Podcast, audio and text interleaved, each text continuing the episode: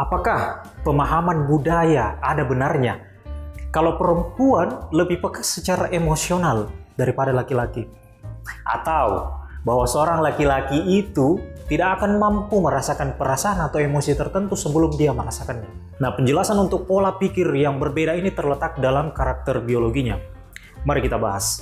Assalamualaikum warahmatullahi wabarakatuh. Kembali lagi di Resensi Channel. Kali ini kita akan membedah sebuah buku yang berjudul Female Brain, Otak Perempuan.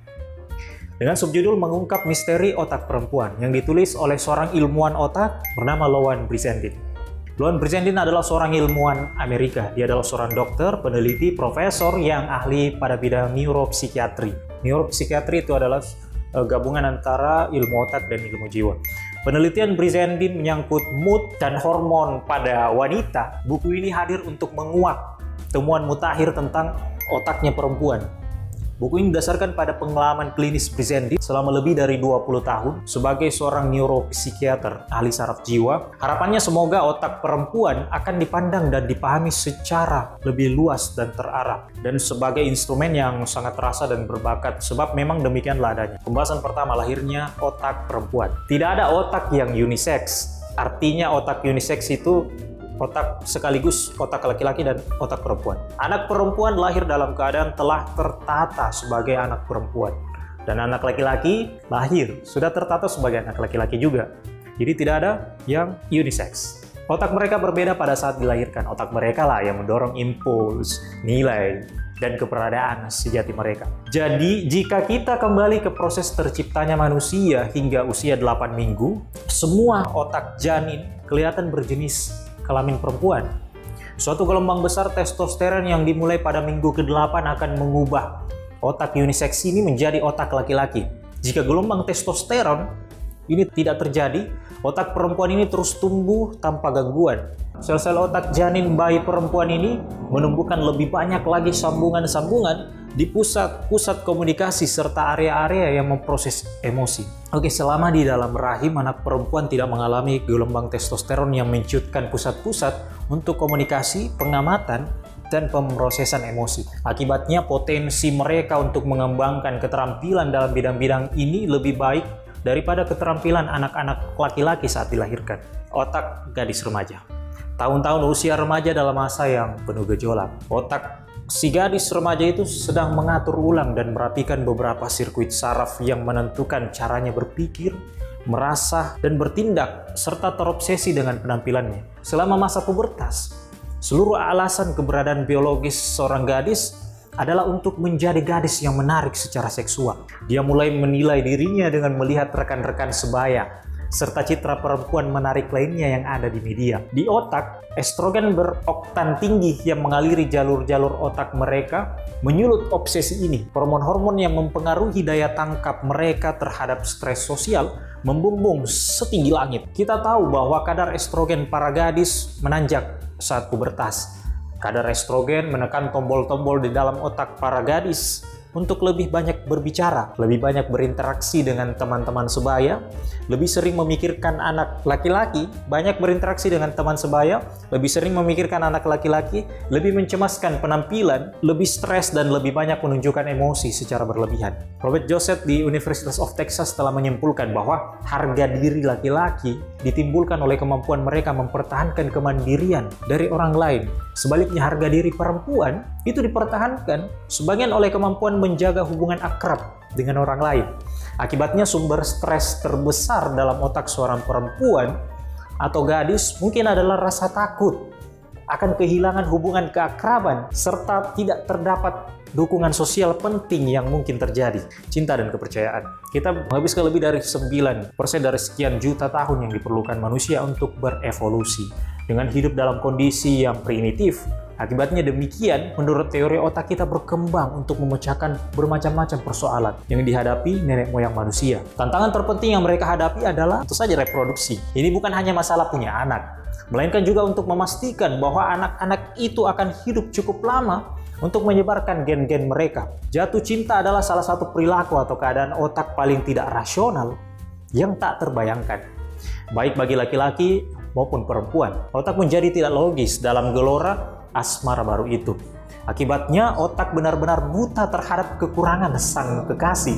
Ini adalah keadaan di luar kesadaran. Area otak jatuh cinta ini pada hakikatnya adalah suatu sistem motivasi yang berbeda tetapi bertumpang tinggi dengan area dorongan seks di otak. Aktivitas otak yang membara ini berbahan bakar hormon dan senyawa kimia saraf seperti dopamin, estrogen, oksitosin, testosteron. Sejumlah sirkuit otak yang diaktifkan saat kita jatuh cinta sama dengan area-area dalam otak seorang pecandu narkoba yang sedang parah-parahnya mendambakan suntikan berikutnya. Aktivitas seperti membelai, mencium, menatap, dan memeluk dapat memulihkan ikatan-ikatan kimia, cinta dan kepercayaan di otak. Serbuan oksitosin dopamin sekali lagi menekankan kegelisahan dan kesangsian serta memperkuat semua sirkuit cinta di otak. Baik pada laki-laki maupun perempuan, oksitosin menimbulkan rasa santai, keberanian, ikatan dan kepuasan akan diri pasangan. Dan agar efek-efeknya bertahan dalam jangka panjang, sistem keterikatan di otak memerlukan aktivasi berulang hingga setiap hari melalui oksitosin yang dirangsang oleh kedekatan dan sentuhan, emosi, otak yang merasa. Apakah pemahaman budaya ada benarnya? Kalau perempuan lebih peka secara emosi daripada laki-laki, atau bahwa seorang laki-laki tidak akan tahu emosi tertentu kecuali kalau emosi itu menumbuk kepalanya. Penjelasan untuk pola pikir yang berbeda ini terletak dalam karakter biologi otak. Otak perempuan merupakan mesin emosi berperforma tinggi. Mesin ini dirancang untuk melacak detik demi detik berbagai sinyal nonverbal dari perasaan orang lain. Sebaliknya, otak laki-laki, menurut para ilmuwan, tidaklah sehebat itu dalam membaca ekspresi wajah dan nuansa emosi, khususnya tanda-tanda kesedihan, keputusasaan, baru ketika melihat air mata meleleh, laki-laki sadar bahwa ada yang tidak beres. Perasaan batin bukan sekedar keadaan emosi yang bergerak bebas, melainkan benar-benar sensasi fisik yang menyampaikan makna pada area-area tertentu dalam otak. Sebagian perasaan batin yang lebih tajam ini mungkin berkaitan dengan jumlah sel yang tersedia dalam otak perempuan untuk melacak berbagai sensasi tubuh. Selain pubertas, sel-sel ini bertambah. Meningkatkan estrogen berarti bahwa para gadis lebih merasakan sensasi batin dan rasa sakit fisik dibandingkan dengan anak laki-laki. Menurut peneliti di University of Michigan, perempuan menggunakan kedua sisi otak untuk menanggapi pengalaman-pengalaman emosi, sedangkan laki-laki hanya menggunakan satu sisi. Dalam penelitian lain di Stanford University, para sukarelawan memandang sejumlah gambar yang menunjukkan emosi sementara otak mereka diamati. Sembilan area berbeda yang menyala pada perempuan tetapi hanya dua yang menyala pada laki-laki masa depan otak perempuan. Dengan memahami fenomena alamiah perempuan, perempuan akan mampu merancang masa depan yang lebih baik oleh karena sudah banyak perempuan yang memegang kendali atas kesuburan dan mencapai kemandirian ekonomi. Perempuan dapat membuat sebuah perencanaan untuk jalan ke depan, artinya mereka mampu melakukan perubahan yang menyeluruh dalam masyarakat dan dalam pemilihan pasangan, karir, serta waktu untuk melahirkan anaknya. Ada sebagian orang yang berharap bahwa tidak ada perbedaan antara laki-laki dan perempuan. Pada tahun 1970-an di University of California, Berkeley, jargon populer di antara para perempuan muda adalah unisex yang bersifat wajib. Artinya tidak benar secara politis untuk menyinggung perbedaan seks.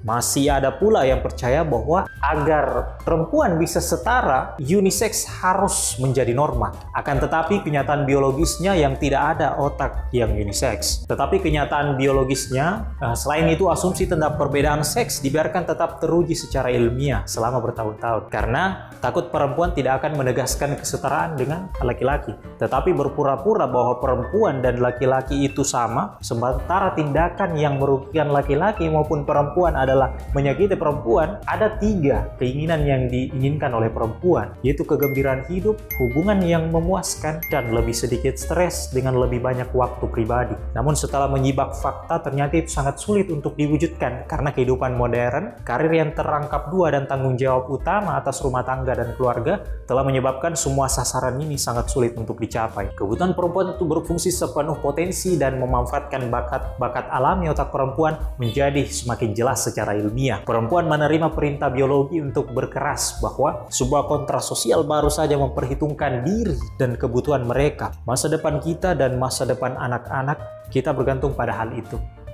Kritik subjektif Resentor dalam buku ini, solusi yang diberikan untuk berbagai permasalahan yang terjadi pada perempuan adalah terapi hormon berupa suntikan, obat-obat, salep atau sesuatu yang ditempelkan yang mengandung hormon tertentu.